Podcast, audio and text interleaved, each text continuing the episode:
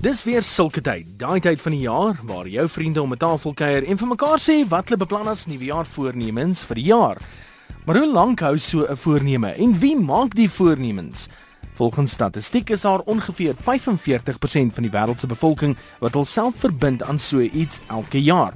17% is reeks voornememakers terwyl so om by 38% van die wêreld se bevolking glad nie daarin glo of voornemens maak nie.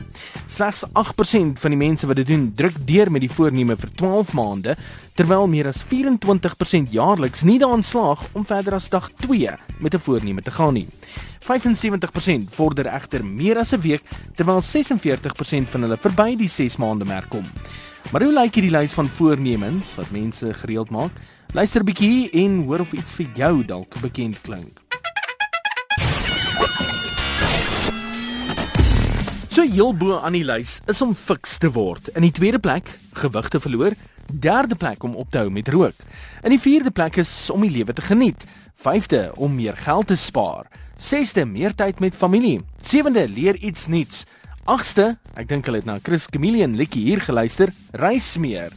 9de is lees meer en 'n meer georganiseerde lewe is die 10de voorneme op die lys van die gewildste voornemens met nuwejaars.